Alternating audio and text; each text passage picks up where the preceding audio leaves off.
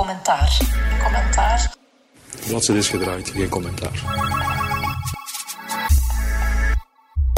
Dit is Geen Commentaar, een podcast met anekdotes en verhalen uit de wereld van woordvoerders. Die hoor en zie je meestal voor de microfoon of de camera, maar wat er daarachter gebeurt, blijft vaak geheim. Sarah Verkouteren, managing director van PR-bureau B Public Group en zelf 20 jaar ervaring als woordvoerder, neemt je mee achter de schermen. Ze interviewt bekende woordvoerders over hun boeiende job en verzamelt de beste tips voor iedereen die wel eens het woord moet voeren. Ik zet altijd de stoutste vragen helemaal van boven, want ik ga ervan uit, als, als je die kunt beantwoorden, ja, dan kun je alles aan. Vandaag in Geen Commentaar spreek ik met Anne Luiten. Anne is een gekende madame in het media- en woordvoerderslandschap. Ze werkte eerst 14 jaar bij VRT als radio- en tv-journaliste. En daarna stapte ze over naar de wereld van de woordvoerders en voerde ze vier jaar lang het woord voor het Rode Kruis. Vandaag is ze zelfstandig communicatieconsultant en begeleidt ze organisaties als Lantis en enkele Vlaamse agentschappen bij hun communicatie.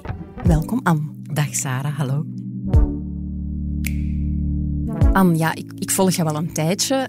Jij bent al lang actief in de communicatie- en mediawereld. En wat mij altijd heel hard bijgebleven is van jouw loopbaan, is de periode dat je woordvoerder was van het Rode Kruis. Ik vond dat je altijd heel open en transparant communiceerde, ook over moeilijke onderwerpen. En dat het Rode Kruis ook heel zichtbaar was in die periode. Was dat dan een bewuste keuze om dat zo te doen?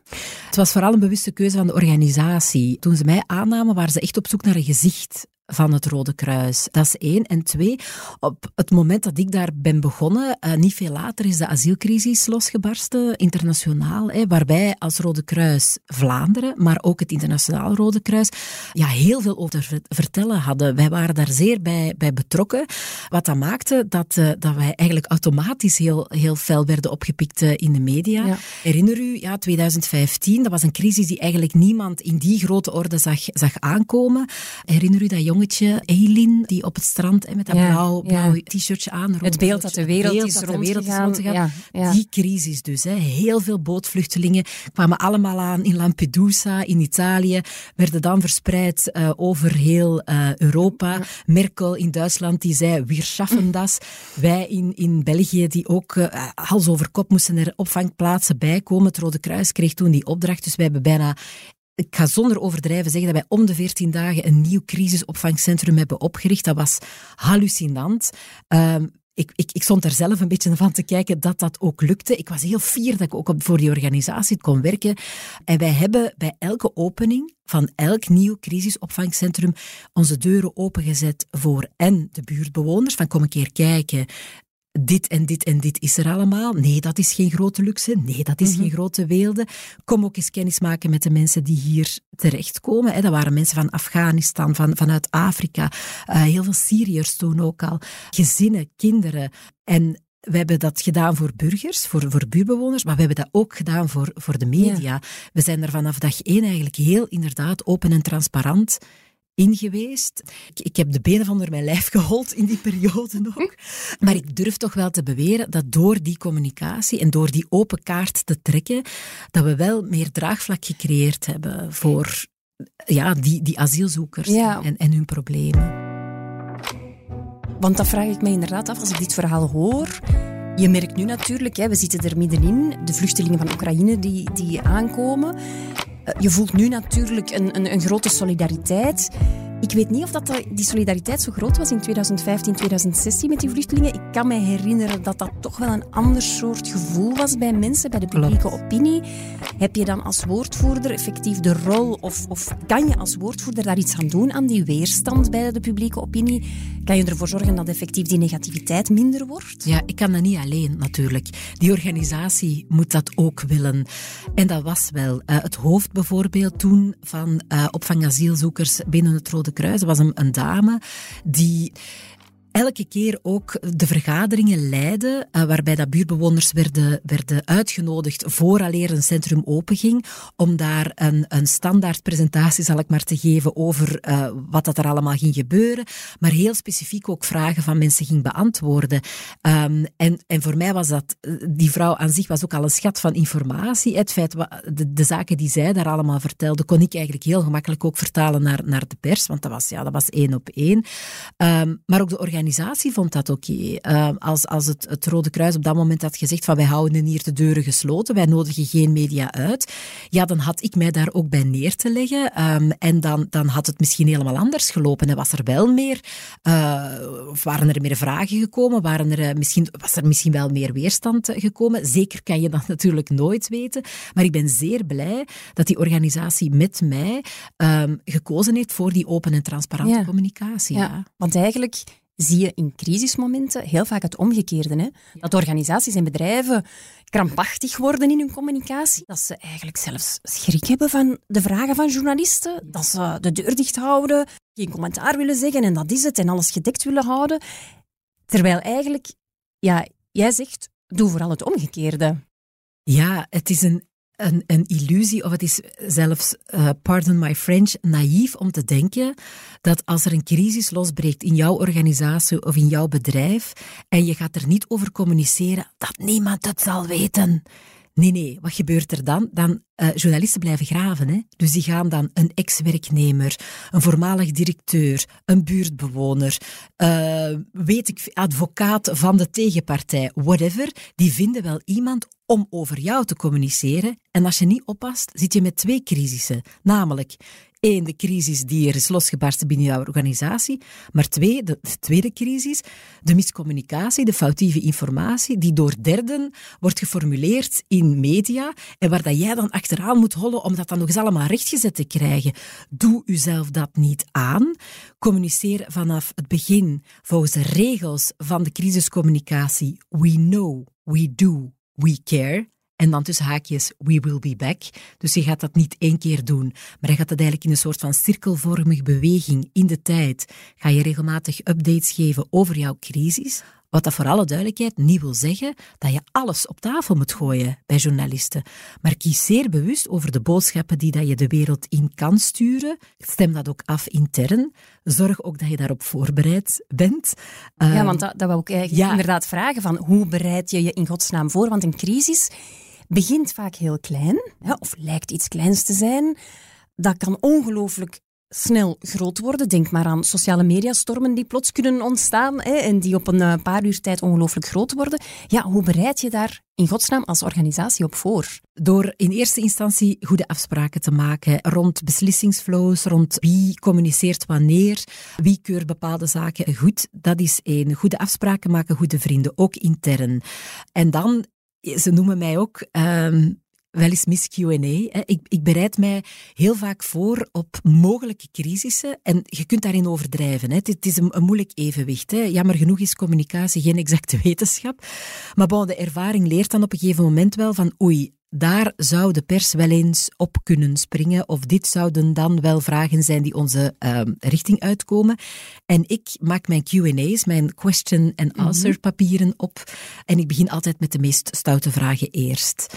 Dat zijn dan vragen waar ik vanuit ga, als je die kan beantwoorden, dan kan je al de rest ook wel beantwoorden.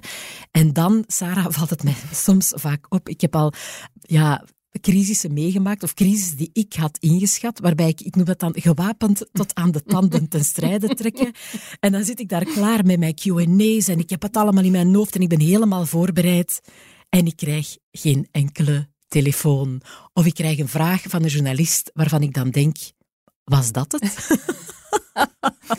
Geef, maak dat eens concreet al. Nu wil ik, nu wil ik Wel, meer over. Wanneer is dat gebeurd? Goh, dat was niet echt een crisis, maar op een gegeven moment, het Rode Kruis heeft lange tijd... Um, geen bloed willen aanvaarden van mannen die seks hadden met mannen. Dat had alles te maken met op dat moment geldende wetenschappelijke inzichten dat dat bloed niet veilig was. Hè. Los van heel de discussie rond gender en rond seksuele voorkeur.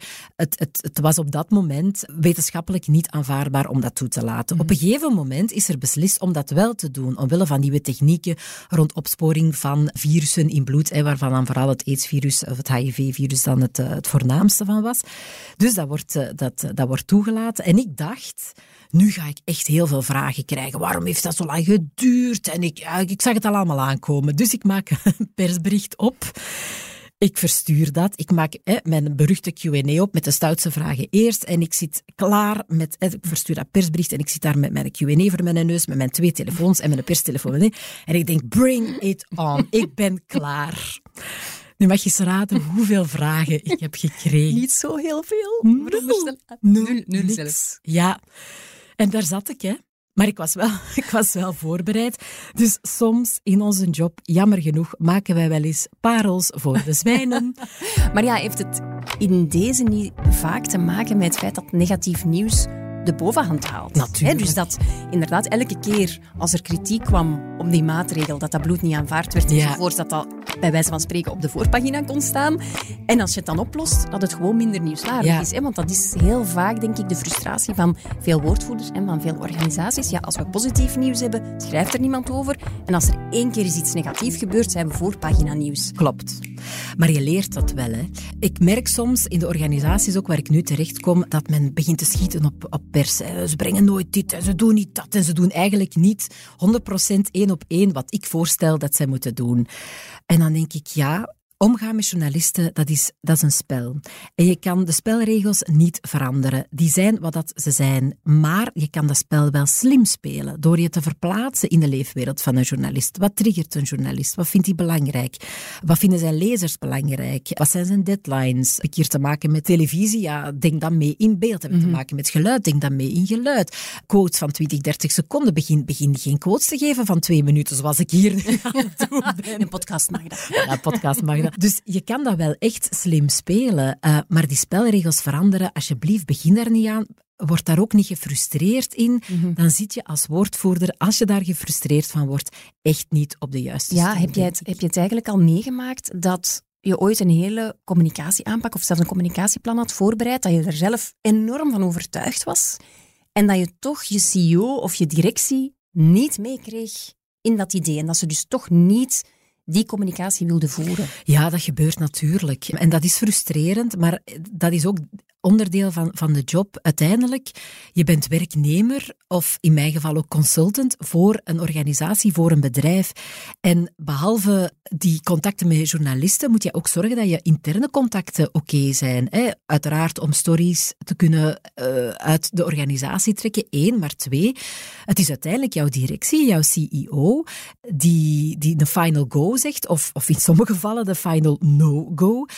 En uh, hoe jammer dat dat dan ook is, ik blijf er altijd bij, eh, je zou je job niet doen als je jouw overste niet correct zou adviseren. Mhm. Maar vaak is het ook maar dat. Het is een advies en de uiteindelijke beslissing ligt bij jouw directie. Mhm. En hoe jammer het dat ook is, dan moet je je daarbij neerleggen. Ja. Is dat dan effectief de les van als je voelt dat je daar ja, gefrustreerd door raakt of dat je inderdaad de dingen meer onder controle wil hebben? Misschien is het dat ook, hè, dat je als woordvoerder een deel controle moet afgeven, hm. dat dan de job van woordvoerder misschien toch niet de ideale job is. Jij weet dat ook, Sarah. De job van woordvoerder, dat is onwaarschijnlijk stresserend. Uh, dat is ook 24-7. Je bent heel de tijd bereikbaar. Uh, en dan moet je die job toch wel heel graag doen om daar uh, geen energieverlies uit te halen.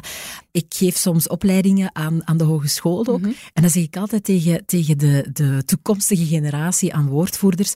Ik werd altijd blij van een telefoontje. Mhm. Zeker van een nummer dat ik niet kende. Dan dacht ik, oh, er gebeurt wat is iets. dit? Ja, wat is dit? Wat is dit?